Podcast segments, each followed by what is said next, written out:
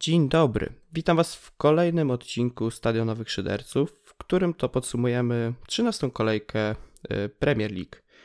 Na starcie też chciałbym jak najmocniej przeprosić, ponieważ sprawy prywatne troszeczkę nas y, przyhamowały. Nie udało nam się tutaj podsumowania 12 kolejki, która odbyła się w tygodniu, przygotować, za co najmocniej przepraszamy. No ale no, tak jak mówię, czy to tam studia, czy praca, no niestety troszeczkę pochłonęły. Dzisiaj jesteśmy bardzo okrojonym składzie, ponieważ jest ze mną Mateusz Kowalski.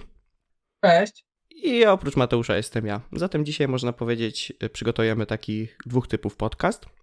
Na starcie oczywiście zachęcam Was do polubienia tego filmu, zostawienia komentarza, udostępnienia, ponieważ no, głównie na udostępnieniach tak naprawdę możemy rozbudować naszą społeczność, zatem gorąco Was zachęcam do tego. No i możemy przejść tutaj myślę do podsumowania. No i zaczniemy od czegoś, z czego Mateusz na pewno nie będzie zadowolony, ponieważ zaczniemy od meczu, który rozpoczął tą kolejkę, czyli Nottingham Forest z Liverpoolem, gdzie doszło do no można powiedzieć, sensacji tak naprawdę, bo Nottingham Forest, które do tej pory wygrało tylko jeden mecz, wygrywa drugi raz i to z Liverpoolem i po golu Avoneya, który był byłym graczem Liverpoolu. Zatem można powiedzieć, że kiedy wydawało się, że skończył się ten kryzys Liverpoolu, to on po prostu wraca z zdwojoną siłą. I no właśnie pojawiła się tutaj porażka. No i jak Mateusz, co byś powiedział na ten temat? Wszystkim mam na początek przygotowany suchar, że skoro jest nas dwóch, to można powiedzieć, że to jest podcast lekko stronniczy o Premier League. Hehe. Dobry. E, pozdro dla kumatych z YouTube'a.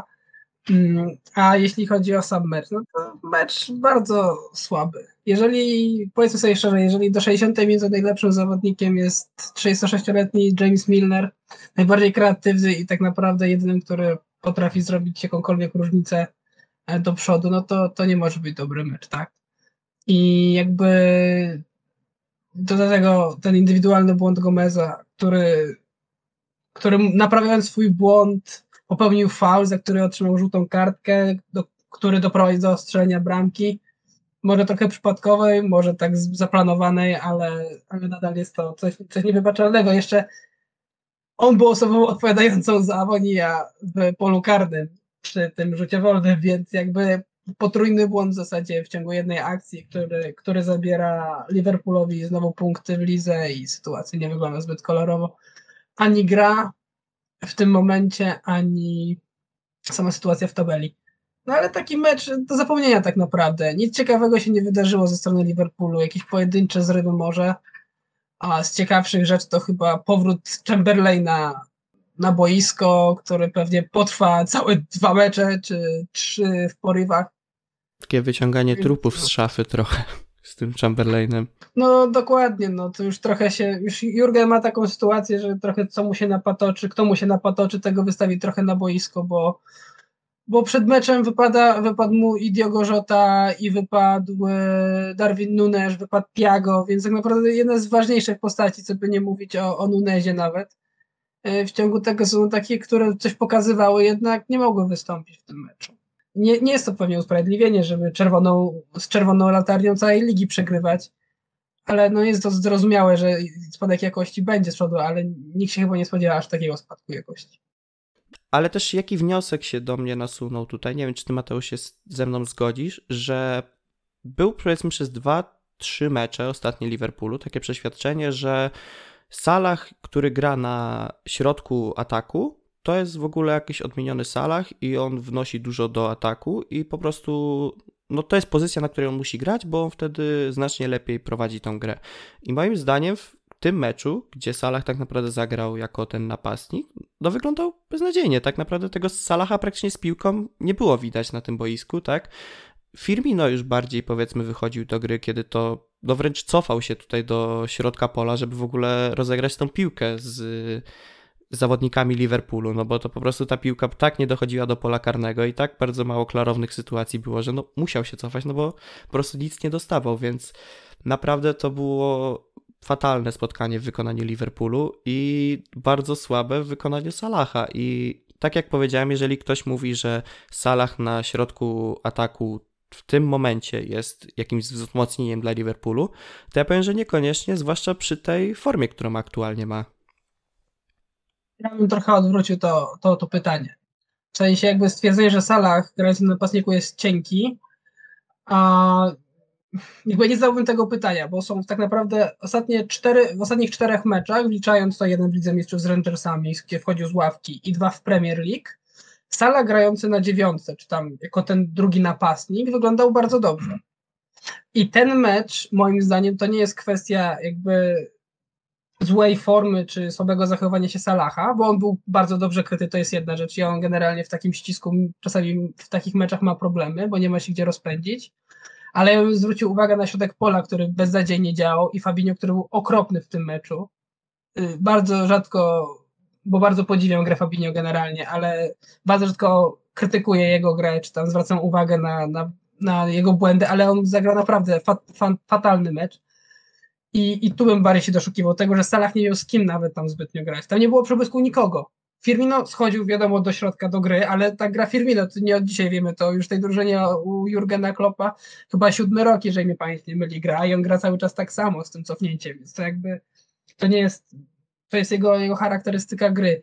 A jeśli chodzi o samego Salaha, to właśnie to bardziej bym winił całą grę, która była okropna, oprócz w zasadzie Alisona, który znowu ratuje też mecz, bo tak naprawdę nawet Forest z tym wyprowadzeniem piłki miał jeszcze dwie, trzy bardzo dobre sytuacje, gdzie albo strzelali e, niecelnie, albo bronił Alisson dwa razy sam na sam, gdzie on też tak naprawdę ten Liverpool do końca, chociażby w grze o ten, ten remis utrzymał w grze.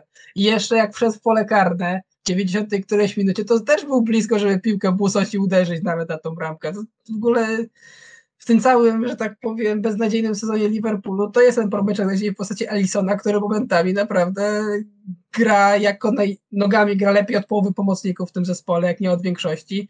Broni większość rzeczy, które się da wybronić. No jeszcze jakby strzelił bramkę, to już w ogóle byłby kosmos, nie? Tak, a tak naprawdę on też był bardzo blisko tam w końcówce przy tych rzutach rożnych, więc y, no to w ogóle jest jakaś abstrakcja, tak? Y, no jeżeli chodzi o Salaha, tylko też nie chciałem powiedzieć, że Salah jest w ogóle jakiś beznadziejny, tylko chodzi mi o to, że aktualny Salah w tej formie aż tyle nie daje w tej ofensywie, bo no, nie oszukujmy się, no, nie ma formy aktualnie Salah, przynajmniej do tej, do której nas przyzwyczaił ostatnimi czasy. Nie, to się zdecydowanie zgodzę, że Salah w tym sezonie jest cieniem samego siebie, ale w momencie, w którym zaczął lepiej wyglądać, no to, że tak powiem, teraz yy, grał w tych poprzednich trzech meczach miał do dyspozycji czy Diego Jota, czy Luisa Diaza, czy, czy też, y, czy nawet Nuneza, który, Nunez, Nuneza, który, który coś potrafił też do przodu zrobić, nie? A tak, no, wiesz, no jakby linia pomocy teraz składała się z czterech zawodników. Trzech bardzo młodych, niedoświadczonych i Fabinho grający fatalny mecz. Tak naprawdę. Tam nie było, tam nie było kreacji, tam, tam nawet nie za bardzo miał okazję, żeby cokolwiek próbować stworzyć. Yy, jeszcze nie grając na skrzydle, nawet nie miał skąd się zbytnio rozpędzać. Więc no to, ten mecz był fatalny nie indywidualnie, tylko cała drużyna po prostu zagrała tragicznie. No i od razu widać drugą rzecz, że nie ma Tiago, nie ma kreacji w środku pola. No, brak Tiago to jak najbardziej był tutaj widoczny. No, jeszcze tutaj na pewno trzeba słowa uznania dla Nottingham Forest, że tutaj wygrali z tym Liverpoolem. Mi najbardziej w pamięć tutaj zapadła obrona tak naprawdę Nottingham Forest, czyli McKenna i Cook, którzy naprawdę tam sobie bardzo dobrze poradzili, jak na to, jakimi oni są takimi przysłowiowymi kłodami z Championship. I oprócz tego oczywiście Yates, który po ostatnim meczu wygląda jakby nie tyle grał w piłkę nożną, a bardziej w MMA walczył. Tutaj nie wiem, może jakaś gala w UFC czy coś. No, ale naprawdę też tam dużo walczył w tym środku pola, dawał dużo dla Nottingham Forest. No i ostatni tutaj aktor, oczywiście Dean Henderson, który znowu wyczynia cuda na linii. Może, może grę nogami ma beznadziejną, ale czutkę na linii naprawdę super. I w bardzo interesujący sposób pożegnał się też na koniec z kibicami Liverpoolu, co, co myślę, że na następnym e, meczu na Enfield może się na nim zemścić, no ale to zobaczymy jak to będzie. Myślę, że możemy już zostawić tutaj Liverpool, bo też wątpię, żebyś chciał do tego jakoś bardzo wracać i wolałbyś to wymazać. Nie, nie bijmy już, nie bijmy leżącego. Jakby tam, tam nie ma nic tak. naprawdę ciekawego do omawiania, ale jeszcze też chciałem powiedzieć, i podkreśli, że Forest zagrał bardzo dobry mecz i ustawiło się idealnie. To trochę w pewnym momencie przypominało mi trochę Burnley pod względem defensywy zagęszczonej. Co prawda ofensywa wygląda zupełnie inaczej niż nas przyzwyczaił Sean Dyche ze swoją ekipą e, angielskich morderców z przodu po 1,90 m strzelających powyżej 100 metrów nad poziomem morza jakimiś główkami, ale bardzo dobry mecz, tak. Ach, to były piękne czasy z Krzysiem Drewno, który na razie niestety przesiaduje ławkę Newcastle, ale może o tym później. No to oprócz tego w późniejszym czasie odbyły się dwa spotkania, którym Everton podjął u siebie Crystal Palace i Everton wygrał aż 3-0, co patrząc na sposób gry Evertonu, który na wskroś przypomina tutaj troszeczkę stary vibe Burnley, jest lekkim zaskoczeniem. I też to, że Crystal Palace tak naprawdę nie strzeliła żadnej bramki, mając taki potencjał w ofensywie. No i oprócz tutaj wyniku 3-0, y, jeszcze dla Evertonu oczywiście strzelał Calvert-Lewin po asyście nikogo innego jak pięknego Alexa Iwobiego, Gordon oraz McNeil. McNeil również po asyście pięknego Iwobiego.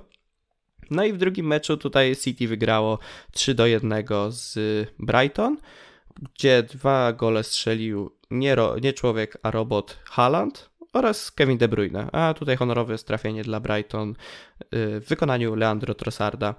No i teraz pytanie, czy podobało Ci się gra Brighton, które na City wyszło po raz kolejny tak naprawdę odważnie, tak jak De Zerbi powiedzmy przyzwyczaił grą swoje, swojego zespołu i czy gdyby to nie był nie było City, powiedzmy, a to by był właśnie, no chociażby dajmy na to Manchester United albo Chelsea, to czy nie uważasz, że Brighton mogłoby wyjść zwycięsko z takiej konfrontacji, patrząc na ich sposób gry po prostu?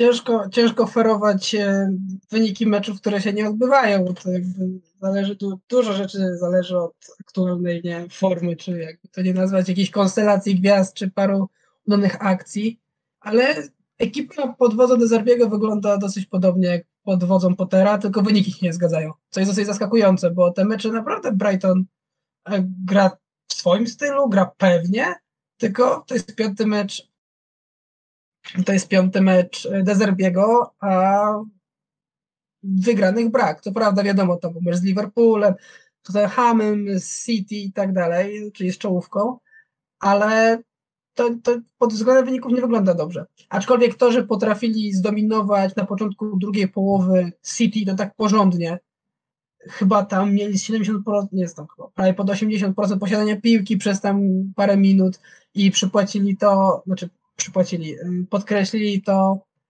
a, to prowadzenie mm, gry bramką Trossarda, swoją drogą bardzo pięknym uderzeniem, co prawda tam Ederson chyba mógł się zachować lepiej przy tym uderzeniu, ale co w sieci, to w sieci. Więc Brighton wygląda bardzo ciekawie i wydaje mi się, że wyniki w końcu przyjdą.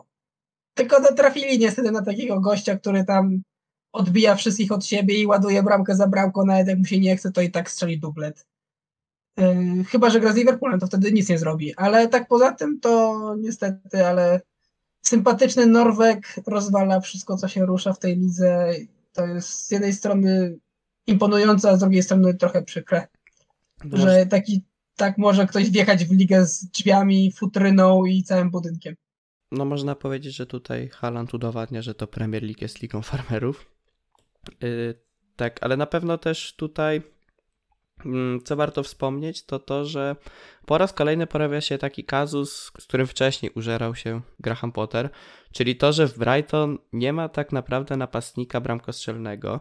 No oczywiście jest tutaj y, ich napastnik, który wrócił z wypożyczenia do Belgii, Unta bodajże, który był też chyba królem strzelców Belgii albo był drugi. No ogólnie bardzo dużo bramek nastrzelał a no mimo tego nie gra i oprócz niego, no to kogo tam mamy? Mamy danego Welbecka i no, i no i to tyle. I powiedzmy, no ci napastnicy nie dają dużo bramek i no jak to był problem Pottera, tak teraz to przeszło na Dezerpiego i, i właśnie takie pytanie, czy Brighton w ogóle kupi napastnika? Jeśli tak, to czy myślisz, że masz kogoś na oku po prostu, kto by się wpasował idealnie w tam ich drużynę?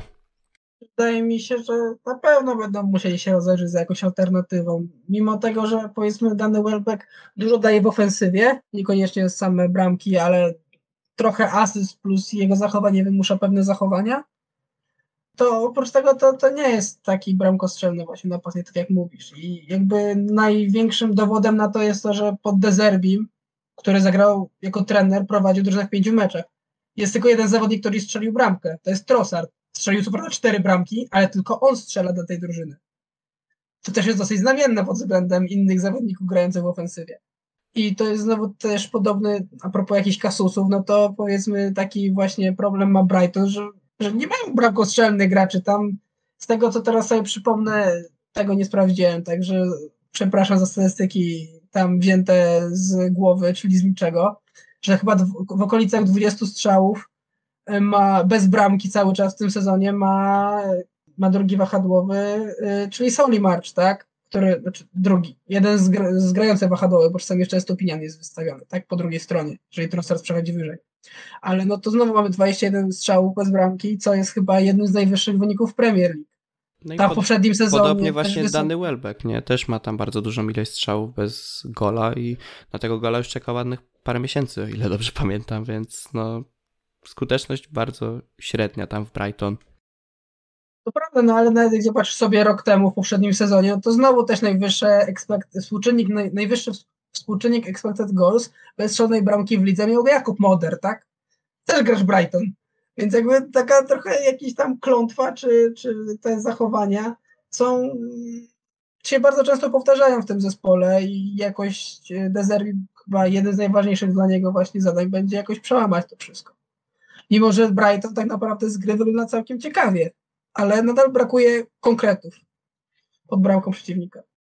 To jak najbardziej też się zgadzam z tym, że właśnie tych konkretów tutaj w Brighton głównie brakuje. No i to też idealnie pokazał mecz właśnie w tygodniu, gdzie to tam Nottingham Forest było bardzo mocno oblegane i bramka Dina Hendersona była bardzo oblegana, a po tych dwudziestu paru strzałach tak naprawdę nie wpadło nic, więc nieskuteczność razi w oczy po prostu.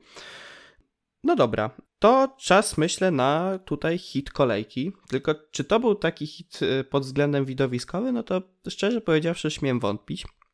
No ale tutaj było spotkanie z Manchester United z Chelsea, które ostatecznie skończyło się 1-1, gdzie to United wyszarpało ten remis pod koniec y, spotkania po bramce Casemiro, a wcześniej w 87 karnego na bramkę zamienił Jorginho.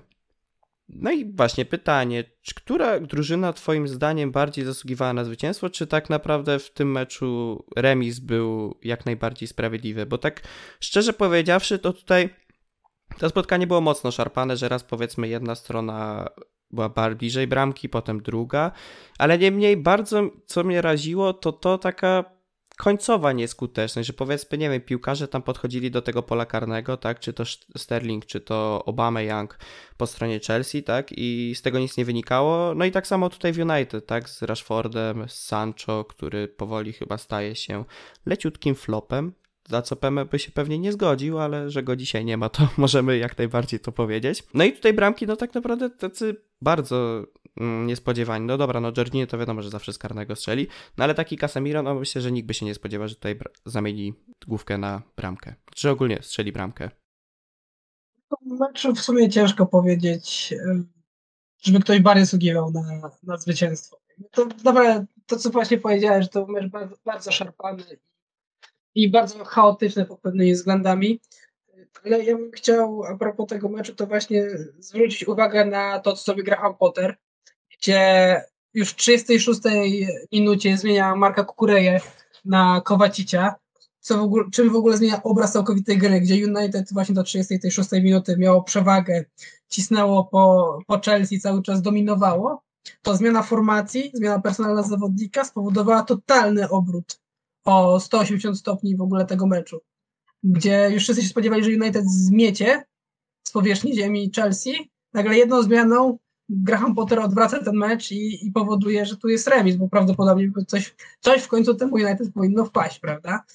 Bo coś powi- i słowo powinno jest słowo klucz, bo tak naprawdę nieskuteczność United tak razi po oczach, po prostu to jest chyba Następnym razem może niech ten hak zrobi trening tylko i wyłącznie strzelecki dla wszystkich. Bo ta bramka Casemiro trochę z chaosu. W poprzedniej kolejce dwie bramki, przy której jeden strzelił Fred i miał asystę też, to też był totalny przypadek. W sensie tam może bardziej chodziło o to, że Fred jest strasznie nieporadny przy tych strzałach i próbach strzałów. To jest inna rzecz, ale generalnie jeśli chodzi o skuteczność, to United nie powala delikatnie mówiąc. Aczkolwiek z gry momentami naprawdę mogli się też podobać. Tak jak Chelsea zresztą. Tak, ogólnie po raz kolejny można powiedzieć, że tutaj wachlarz taktyk, jakimi dysponuje Graham Potter jest po prostu kapitalny i to, jaką, jaką potrafi tutaj tych chłopaków poustawiać, to też jest świetne. No po prostu to jest coś, co każdy tutaj interesujący się formacjami, taktykami piłkarskimi, to no myślę, że bardzo dobry warsztat by był u Grahama Pottera pod tym względem.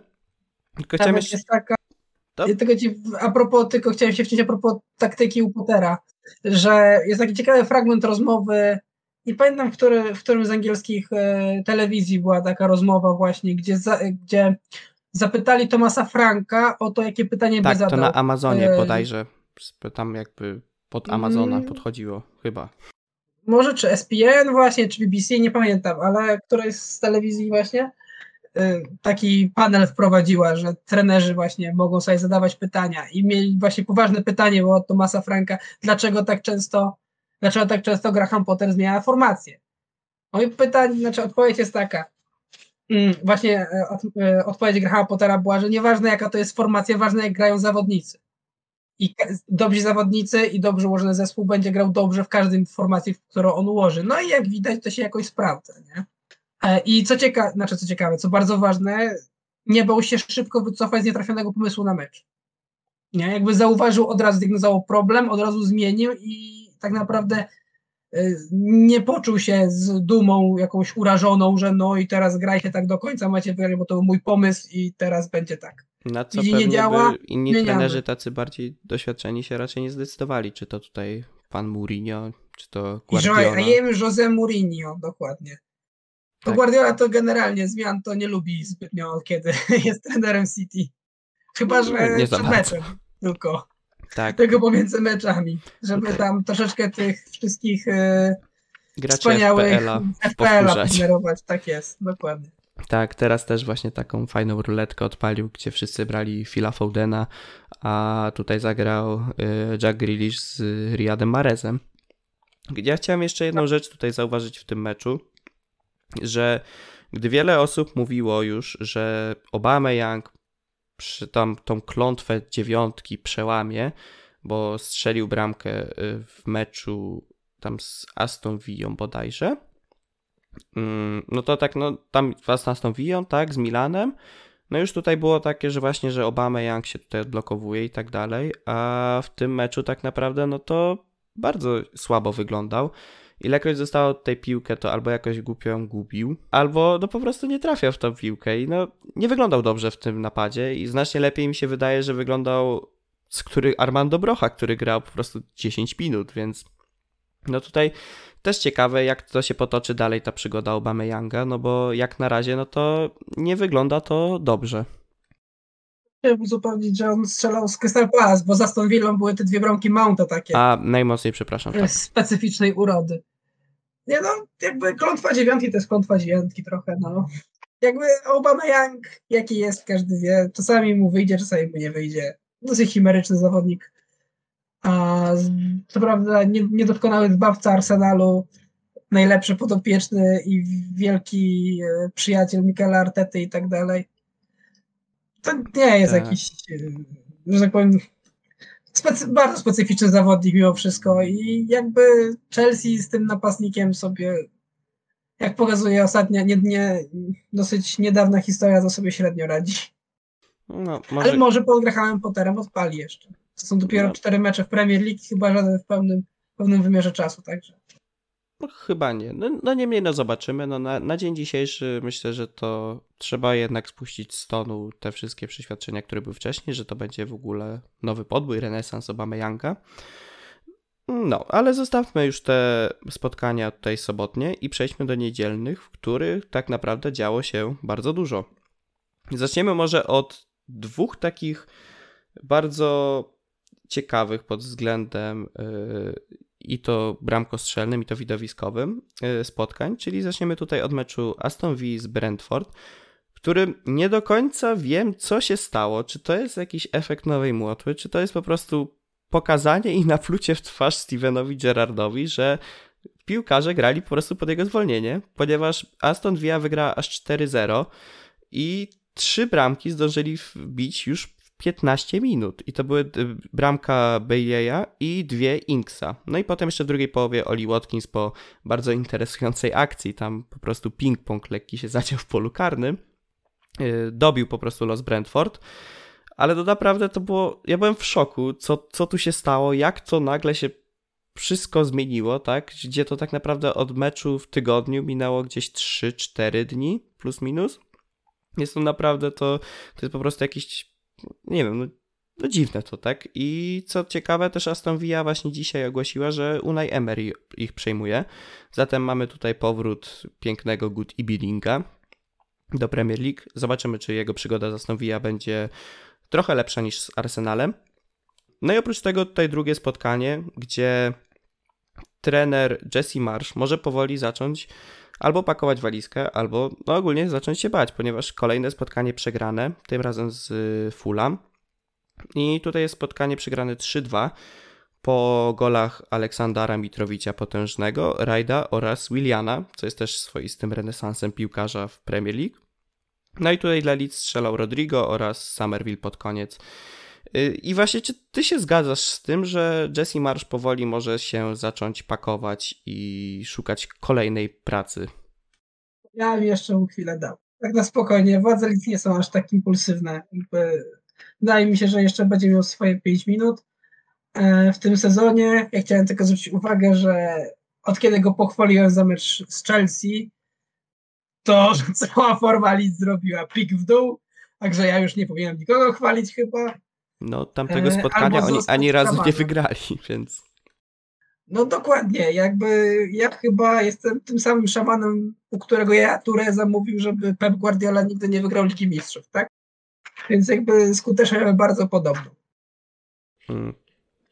Jak widać tutaj, jeżeli chodzi o Mateusza, trzeba uważać z jego predykcjami, ponieważ może się to skończyć bardzo źle.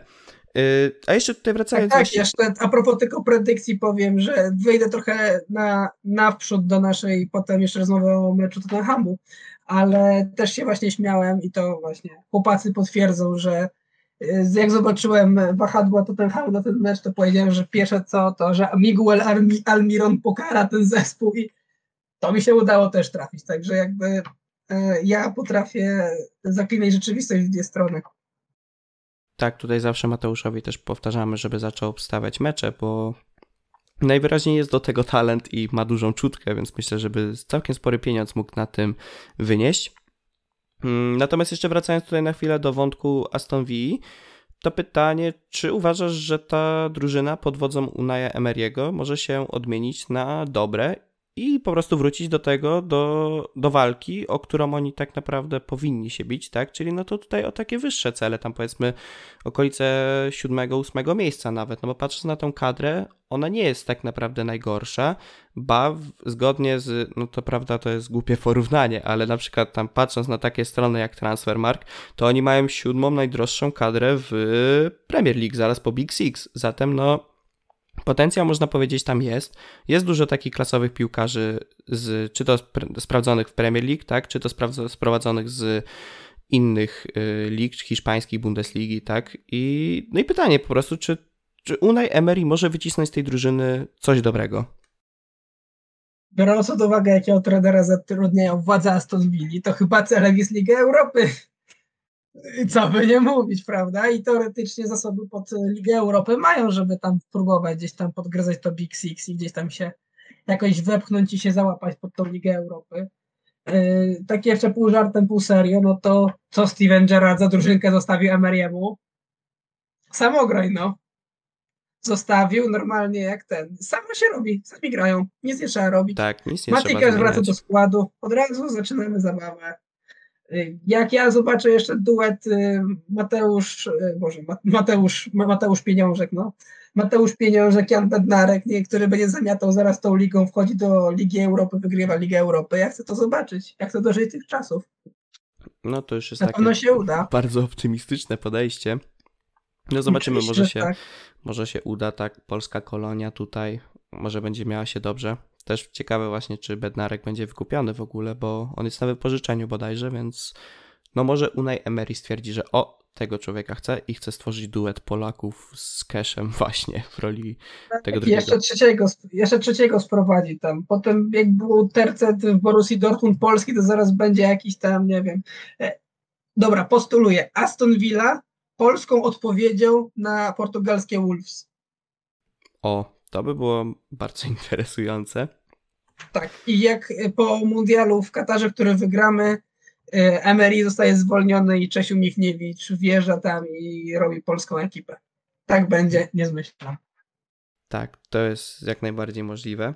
Tutaj jeszcze przejdziemy do kolejnego meczu z tej multiligi sobotniej, niedzielnej, przepraszam, która się odbyła, bo tam po raz kolejny był bardzo interesujący wynik. Otóż Leicester wygrało aż 4 do 0 z Wolverhampton po przepięknym golu Juriego Tillemansa. Jeżeli jeszcze nie widzieliście, to jak najbardziej wam polecamy, żeby to sprawdzić, bo to co huknął z przedpola karnego to po prostu no może być gol sezonu. Naprawdę to było kapitalne uderzenie. No i oprócz tutaj Tillemansa do bramki strzelali Barnes, oczywiście klasycznie Madison, no i piękny Jamie Vardy, który przed wejściem na boisko strzelił sobie szybko Red Bulla, wszedł, zaliczył asystę, strzelił bramkę, więc można powiedzieć, że to był istny mecz Jamie'ego Vardiego. I najciekawsze w tym meczu, yy, może oprócz samego wyniku, jest fakt, ile strzałów oddało Leicester, ponieważ Leicester oddało aż 5 strzałów na 22 wilków, co to jest zasadniczo dużą różnicą. Można powiedzieć, że to są takie statystyki istnie Food Champions. Wiadomo, tutaj graczy FIFA wszystkich pozdrawiamy.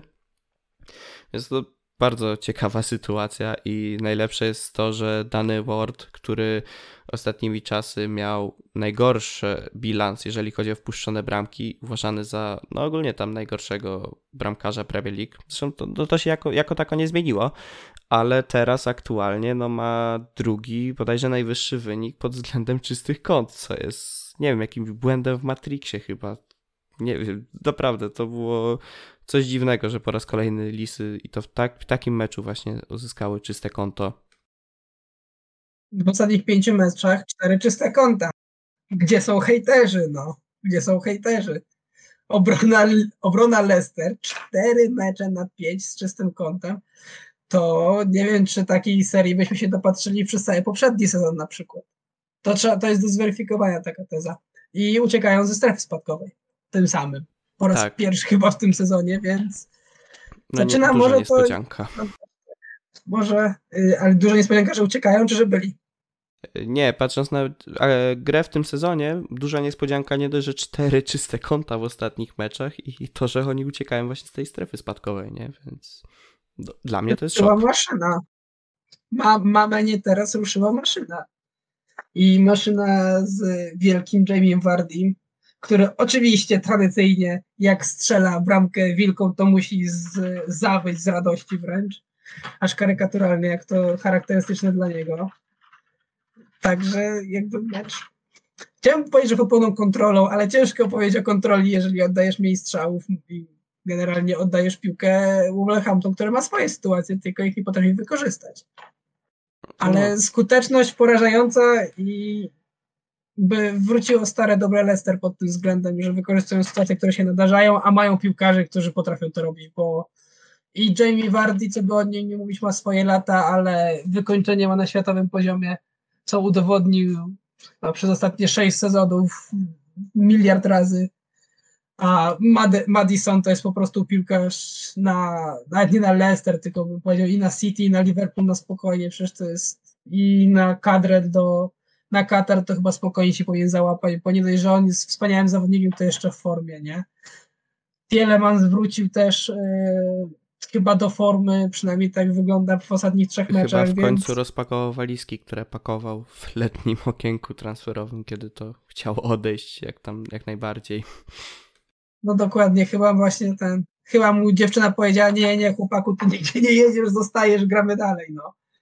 I i właśnie tak chyba Brendan Rodgers powoli zaczyna mieć e, to krzesełko troszeczkę spokojniejsze pod sobą. Już, już mu tak kibice nie będą chyba wyrywać zbyt, zbyt, zbyt jakoś kompulsywnie tego krzesełka. Tak, już chyba nie będą wykupywać też tutaj życzeń na stadionie, które by układały się w Brendan Out, czy, czy inne takie y, rymowanki niemiłe dla pana trenera. No i cóż, no, musimy przejść do tego meczu, o którym nie chcę za bardzo rozmawiać, no czyli ostatni mecz tutaj, który się odbył w tej multilidze. Arsenal podejmujący, znaczy to Soton tak naprawdę podejmujący Arsenal. No i mecz zakończył się wynikiem 1 do 1. Y, bramkę dla Arsenalu strzelił Szaka, a dla Southampton Armstrong. Swoją drogą po bardzo ciekawej i ładnej akcji, bo naprawdę fajnie rozklepali tutaj obronę Arsenalu. No i, no i cóż, e, co tu dużo mówić tak naprawdę. Bardzo duża nieskuteczność Arsenalu, zwłaszcza w pierwszej połowie, bo było bardzo dużo okazji do tego, żeby po prostu wcisnąć tą bramkę na 2-0 i zamknąć ten mecz. No ale no niestety to się po raz kolejny nie udało, a w drugiej połowie już było takie bardzo mocno, bardzo mocno niemrawa gra. Co prawda Soton nie ma aż takiego potencjału ofensywnego, w związku z czym te ataki Soton dawało się stosunkowo ostudzić, ale mimo wszystko no, udało im się tą jedną akcję ładną zagrać, tak, która skończyła się dla nich bramką. Na Arsenal, tak jak mówię, tutaj bardzo duża nieskuteczność.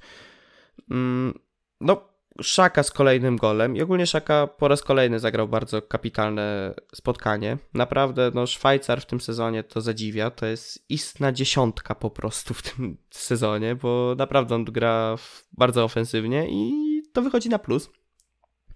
No ale no właśnie to, że Arsenal aktualnie nie może zamknąć meczu, jest taką lekką bolączką i to jest bolączka, która już nam towarzyszy tak naprawdę od meczu z Leeds, a jeszcze wcześniej patrząc to od meczu z Bodo, bo z Bodo było bardzo podobnie, że te mecze były takie bardzo niemrawe, tak na 1-0 i no tak się po prostu skończyło.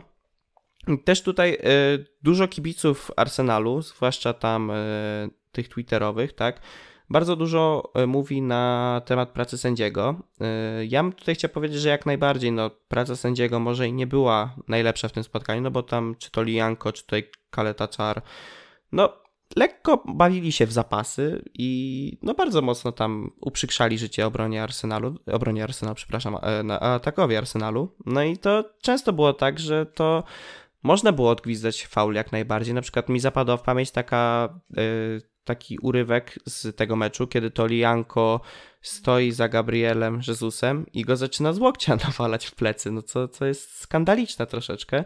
A sędzia tak naprawdę na to nie zareagował, tak samo jak na wiele innych yy, sytuacji, czy to na przykład gdy Caleta Czar pod koniec, Caleta Czar, mm, czary mary, yy, gdy to pod koniec yy, uderzył Tierney'a z łokcia, gdzie tam huk po prostu było słychać na całe Soton, a no, to sędzia nie zareagował. Chociaż no tak jak mówię, no to możemy mówić na jedno tutaj na sędziego, ale to nie zmienia faktu, że gra Arsenalu wyglądała bardzo średnio. No i jest teraz w weekend tak spotkanie z przepraszam najmocniej, z Nottingham Forest, więc mam nadzieję, że tutaj będzie odbicie się od tego marazmu, w który aktualnie Arsenal popadł. No jeszcze w Lidze Europy, że zdobędą to pierwsze miejsce przez zwycięstwo z PSV. Teraz ważne pytanie a propos następnej kolejki. Czy Nottingham Forest podtrzyma zwycięską serię z zeszłego sezonu i znów pokona Arsenal? Czy to się uda? Oj nie, nie liczyłbym na to. Znaczy, gdyby... Czy Arsenal będzie w strachu? Wow. Pozdrawiamy panie Darolew. Może kiedyś dotrze do naszych filmów. Y, nie, ale naprawdę, jeżeli byśmy grali tutaj na wyjeździe, tak, y, u Nottingham, to myślę, że mogłyby być problemy, no bo jednak ta atmosfera stadionu Nottingham robi swoje i no naprawdę ci zawodnicy nie wyglądają aż tak źle u siebie. Tam nawet w niektórych spotkaniach po przegranych w tym sezonie, chociażby pamiętam spotkanie z Tottenhamem, które przegrali 2 do 0, a grali u siebie i oni naprawdę nie wyglądali jakoś źle w tym spotkaniu i no można powiedzieć po prostu Tottenham był bardziej skuteczny, tak? No bo to właśnie to jest ten problem, który Nottingham ma bardzo długo, czyli ta nieskuteczność.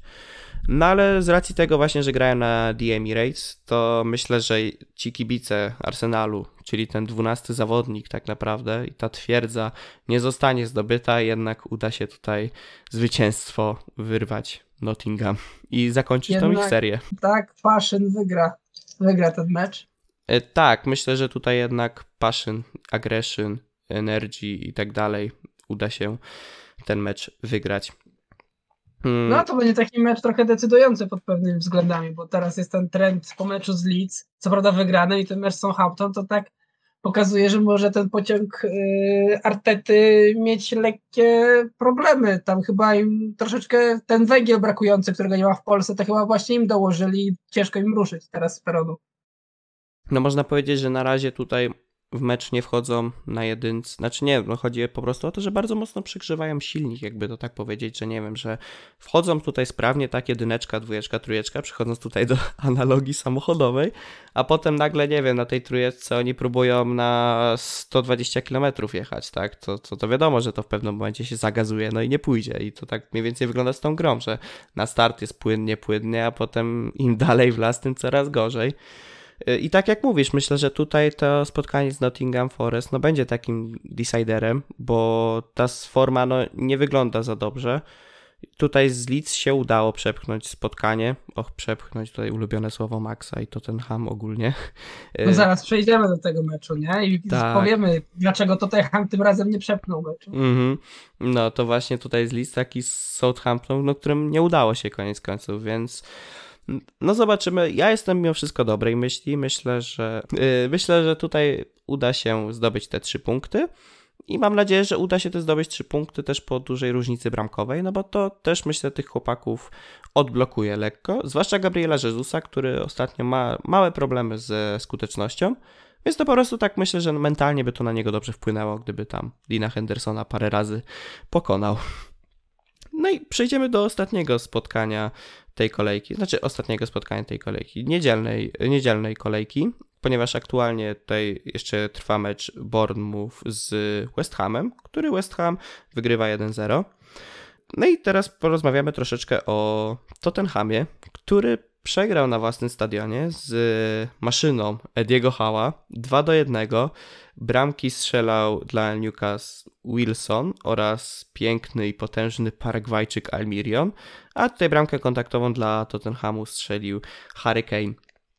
Ogólnie Almirion można powiedzieć, że po tym, kiedy Jack Grealish na świecie, tutaj po mistrzostwie City, powiedział do Mareza, że gra jak Almirion, to on nagle Almiron, przepraszam, tak, yy, mi po prostu to ich się zawsze wkręca. To właśnie można powiedzieć, że od tamtego czasu jak inny piłkarz po prostu. No Eddie Howe zmienił go tak, że co mecz prawie strzela bramki, już ma ich, y, popraw mnie jeżeli się mylę, sześć bodajże w tym sezonie? Zgadza się. Zgadza się, 6.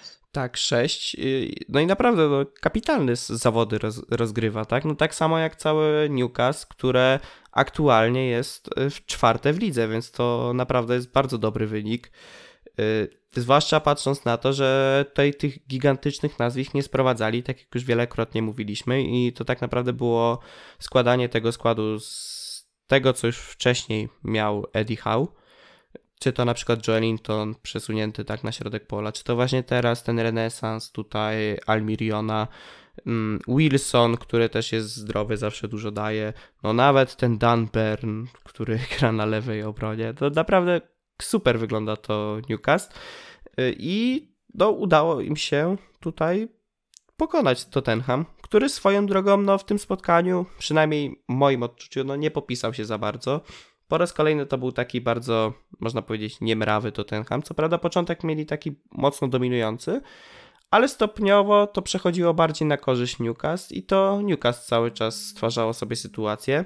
Też na przykład nie popisał się tutaj y, nowy nabytek Tottenhamu Bizuma, który po prostu tracił piłkę za piłką, tak? No tutaj Oliver Skip, który też zagrał w środku pola, prawdopodobnie dlatego, że Hojbierg doznał kontuzji, również bardzo słabe zawody, takie niemrawe. No Emerson Royal, jak to Emerson, no, no też cienko. Więc y, jak najbardziej właśnie zasłużenie Newcastle wygrało to spotkanie. I właśnie ciekawe, czy tutaj Tottenham się podniesie po tych dwóch porażkach, ponieważ wcześniej jeszcze w tygodniu przegrali z United. No i czy po prostu Conte znajdzie recept, receptę na to, żeby ten zespół zaczął grać lepiej? Nie, no zaraz odpadną z Ligi Mistrzów, to nie będzie problemów przecież. No, można się, się skupić, skupić na, lidze. na lidze. Właśnie, trzeba zawsze szukać pozytywów. Nie, no Tottenham, Tottenham znowu wygląda okropnie, w sensie Song, po którym już wszyscy się po tym hat-tricku z Leicester zachwycali, wrócił już silniejszy, piękny Koreańczyk i znowu marnuje sytuację za sytuacją. Chyba to taki pierwsza jaskółka wiosny nie czyni i więc jednak chyba chyba jeszcze nie odnalazł tej swojej formy. Trochę e, ci, ci zawodnicy, którzy walczyli w zeszłym sezonie o koronę króla strzelców, mam na myśli Sona i Salaha, którzy podzielili się tą nagrodą i tym zaszczytnym tytułem, to chyba w tym roku też uznali, że będą walczyć o tytuł największego, nie wiem, spadku formy chyba względem poprzedniego sezonu. I idą web w web. I mimo wszystko jeden z nich, co jak nie jeden, to drugi zagra dobry mecz, a potem to znowu we dwóch nic nie potrafią zagrać przez kolejne pięć, więc no, są problemy pod tym względem. Ale z plusów przynajmniej jest stabilny Hurricane, który strzela kolejną bramkę. E, co prawda wcześniej on był znany jako zawodnik, który wchodzi do środka pola, rozgrywa piłki, rozdaje, wszyscy strzelają i ma dużo asyst. Albo wykańcza piłki w polu karnym, gdzie dostaje patelnie, a teraz to wszystko musi walczyć albo z karnych, albo z główek, więc trochę się ten profil zmienił mimo wszystko Harry'ego Kane'a. I znowu wracam do mojej teorii, czy Harry Kane by strzelił, jakby, czy na miejscu Harry'ego Kane'a Chris Wood miałby więcej bramek, bo pod tym względem, co robi Harry Kane, to Chris Wood robi dokładnie to samo, a jest dużo tańszy. Oj, to kibice to ten hamu cię chyba zjadą za coś takiego. Ale... Zapraszam do polemiki w komentarzach, jak, mówią, jak to ładnie mówią, proof me wrong. Udowodnijcie mi, że Kane w tym momencie jest lepszy od... Znaczy ja się śmieję oczywiście, że jest lepszy, ale jakby pod, no. pod kątę po prostu mogliby grać bardzo podobnie. No znaczy, tak, jakby no, on gra jak gra u kąta jak grał Romero Lukaku. Robi tą samą robotę praktycznie. Mm, Big Rom aktualnie w Interze. No, średnia przygoda. Ciekawe też, co z Chelsea z nim zrobi po, po tym sezonie. To też jest, to jest w ogóle ciekawa przygoda. W jedną i w drugą stronę. Nie wiadomo, kto na tym gorzej wyszedł. Teraz na wypożyczeniu Inter, czy na zakupie Chelsea. Nie, no, no nie, no Chelsea na zakupie na pewno wyszło gorzej. Jakby tam y, ceny i cena ro, pewnie Lukaku spadła tak bardzo, jak zasła inflacja w Polsce. E, a wracając do poważniejszych, że tak powiem, y, rzeczy, no to co Loris grał w tym meczu, to ja nie wiem. Jakby te dwie bramki, które wpadły, to jakby dosyć wydatnie pomagał chłopakom z y, przeciwnej drużyny. Sroki te dwa prezenty wykorzystały jak chciały. A jeszcze to, jak się zdarzył z Wilsonem i zamiast tam próbować to jeszcze jakoś bronić, to najpierw do sędziego, dlaczego on mnie dotknął, dlaczego jak wpadłem na niego, to on na mnie też wpadł. Chyba na fizykę nie chodził i nie za zasad dynamiki Newtona. A, tak, tutaj też właśnie taka sytuacja, że mi się wydaje, że tam jak niektórzy uważają, powiedzmy, że to mógł być tam faul, tak, albo nie, to mi się wydaje, że to właśnie było takie zwykłe zderzenie tak naprawdę między zawodnikami. I tam, nie wiem, Wilson tej ręki jakoś mocno nie, nie wyciągał czy coś, to bo to po prostu jest tak, że jeżeli on się zderzył z tym Lorisem, no to jakby siłą rzeczy te ręce pójdą do przodu, powiedzmy, nie, no i to nie było tak, myślę, że nie wiem, że on tam go odpychał czy coś, tylko po prostu błąd Lorisa, który się skończył bramką dla Newcastle, więc to jest też tak naprawdę kolejny błąd Lorisa, który się zdarzył, bo z Arsenalem też on przecież miał tam takie lekko dziurawe rączki, więc no może ten wiek mu już powoli nie służy. Mocno w kratkę gra. Mocno, mocno w kratkę. Jednak są, były też mecze, gdzie on bardzo wydatnie ratował, na przykład ten mecz z United. Nie, gdzie tak naprawdę te dwie bramki stracone, ale to mogło być jeszcze wyżej. No tak, to tam to jak najbardziej tutaj Joris wybronił. Yy, tylko właśnie też ciekawe... Ja jeszcze... No? No, ja tego chciałem powiedzieć, że, że tak powiem, zastąpię na, naczelnego fana Tottenhamu, że pan sędzia Gillette, no to ten mecz, no to takie kontrowersyjne. Kontrowersyjne to było. Gdyby nie sędzia, pewnie on kiedyś sędziował też Tottenhamowi i kiedyś zasędziował na korzyść Tottenhamu, więc pewnie teraz chciał się wybielić i tylko i wyłącznie dlatego Tottenham ten mecz przegrał. To trzeba zaznaczyć. Tak, jeszcze musisz dodać tutaj oczywiście, że sędzia w meczu z Arsenalem po raz kolejny tutaj Arsenal faworyzował i tak dalej i wtedy już jesteśmy spełnieni i tak jakby oczywiście, Max był po tak. prostu z nami. Oczywiście, że tak. No, no dobra. To tak jak już mówiłem tutaj, tak jakby tak naprawdę Max był z nami, nas nie opuszczał. No i myślę, że teraz możemy przejść już do tabeli Premier League, której, tak jak już wspominałem, Newcastle skoczyło na czwarte miejsce, więc y, no można powiedzieć, że tutaj Newcastle powoli zaczyna się rozgaszczać w tym gronie Big Six, gdzie tak naprawdę no, stwarza bardzo duże zagrożenie dla tego Big Six i przegrali aktualnie tylko z Liverpoolem, gdzie to też tak naprawdę pod końcówkę, więc to był bardzo takim rzutem na taśmę porażka. Liderem oczywiście nadal jest Arsenal, drugie jest Manchester City, który zbliżył się do Arsenalu na dwa punkty. Trzeci jest Tottenham nadal, który z 23 punktami. No i na piątym miejscu Chelsea, gdzie o punkt, czyli ma 21, przewyższa Manchester United. Y, jeżeli chodzi o strefę spadkową, no to tutaj mamy trzy drużyny, które zbierały już 9 punktów. Jest to Leeds United, Wolverhampton oraz Nottingham Forest. Więc tutaj można powiedzieć y, interesująca sytuacja, bo no, wątpię, żeby ktoś tutaj Wilki wcześniej mianował do grona, które będzie się bić o utrzymanie. No a jak na razie no, nie wygląda to za dobrze i no, ta pozycja nie powiedziałbym, że jest niezasłużona. I też to, że tak naprawdę tutaj Nottingham Forest się zbliża powoli, więc Wilki to zaraz mogą równie dobrze tą tabelę yy, Premier League zamykać. My nie wiem, czego się bardziej przed sezonem nie spodziewaliśmy. Czy Wolverhampton w spadkowej, czy Fulham będące w top 8? Ja myślę, że i tak największym zaskoczeniem to jest Bournemouth, które przez tam 6 meczy było niepokonane. To, to jest też po prostu jakiś hit. No ale to właśnie to Bournemouth powoli... Będę w Matrixie. Tak, y, powoli zaczyna się osuwać na ten koniec tabeli, więc możliwe, że ten piękny sen powoli dobiega końca. No i myślę, że możemy przejść tutaj do spotkań, które odbędą się w następnej kolejce. Mm, w następnej kolejce tak naprawdę żadnych większych hitów nie mamy. Y, zatem myśl, spytałbym Cię, Mateusz, o wynik meczu Liverpoolu z Leeds United. Jaki byś przewidywał w tym meczu? Zielonego pojęcia, wolę nie wiedzieć, co tam się wydarzy. E, znając życie, tak jak powiedzieliśmy, że Leeds przegrywa, no to teraz, e, że tak powiem, moje zaklęcie wypowiedziane sprawi, że Jesse Marsz odkurzy drużynę i będzie jakieś 3-3, nie? Jakieś takie szalone bramki. E, ja w sumie z ciekawszych meczów to chciałem tego powiedzieć, że będą derby Davida Moisa, nie? A, United no podejmie West Ham.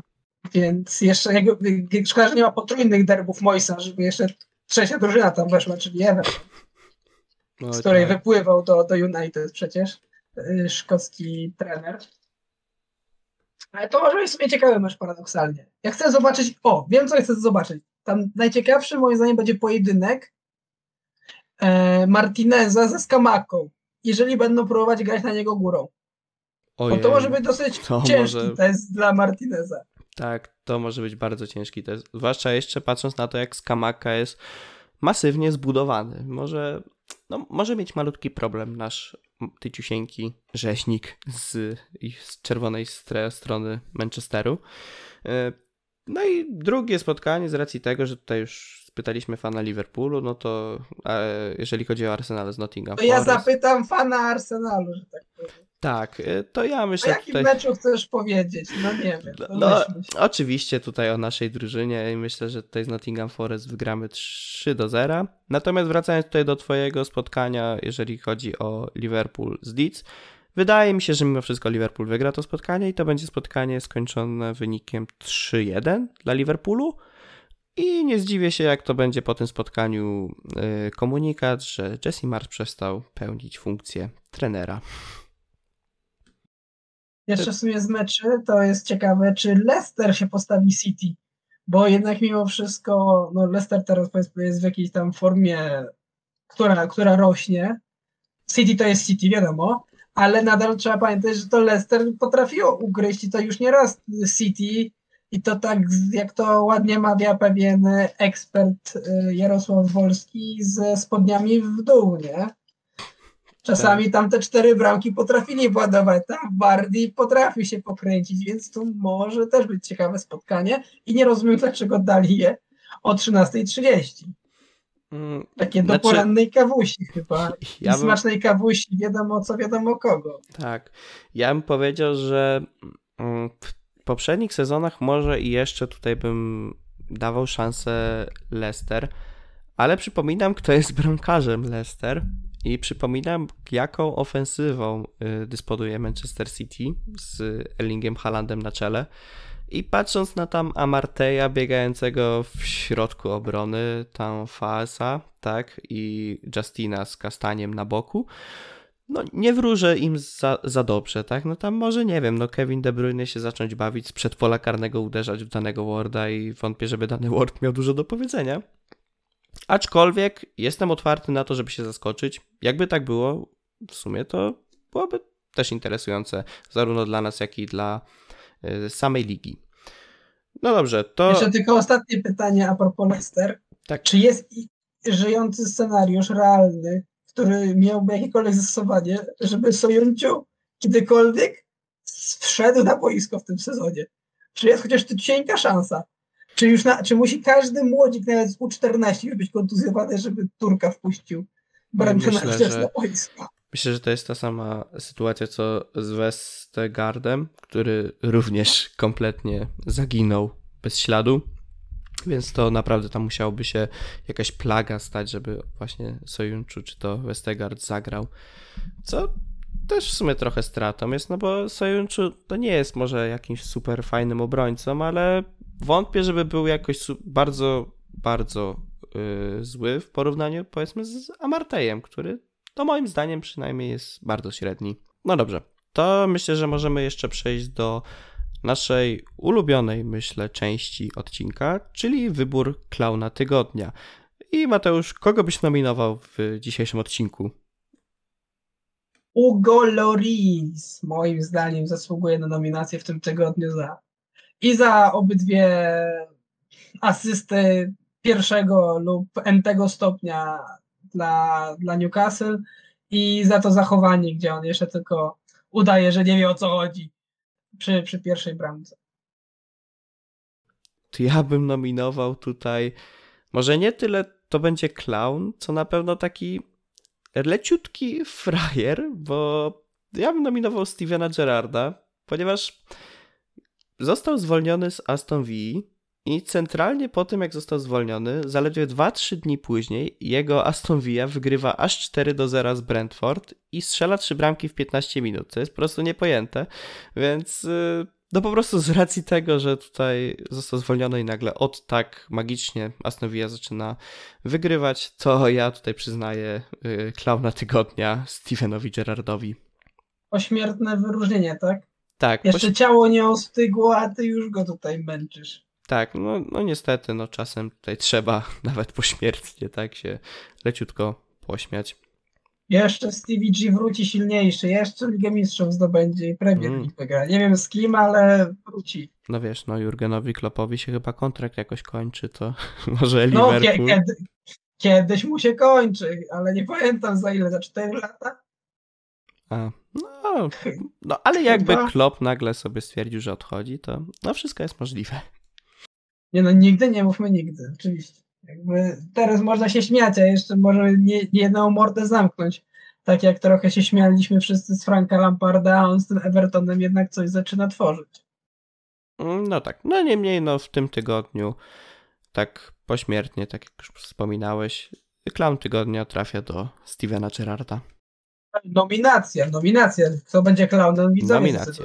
Tak, oczywiście w tym odcinku postaramy się wprowadzić ankietę, w tym przypadku będą tylko dwie propozycje, zatem możecie jak najbardziej głosować w tej ankiecie mm, i dawać swoje propozycje w komentarzach. Na pewno jesteśmy bardzo ciekawi tego, kogo wy byście nominowali.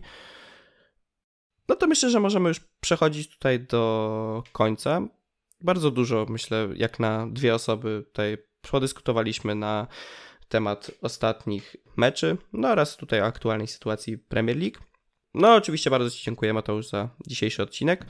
Y, dla Was, kochani dziękuję. widzowie, mm, jak najbardziej zachęcam, tak jak już na początku filmu, do zostawienia polubienia pod tym filmem, komentarz, udostępniajcie to, czy to tam swoim znajomym, przyjaciołom, rodzinie, mamie, tacie, babci, ponieważ, no, tak jak już wcześniej mówiłem, tutaj każdy, yy, chociażby jedno wyświetlenie się liczy i za każde takie wyświetlenie będziemy bardzo szczęśliwi i bardzo wdzięczni.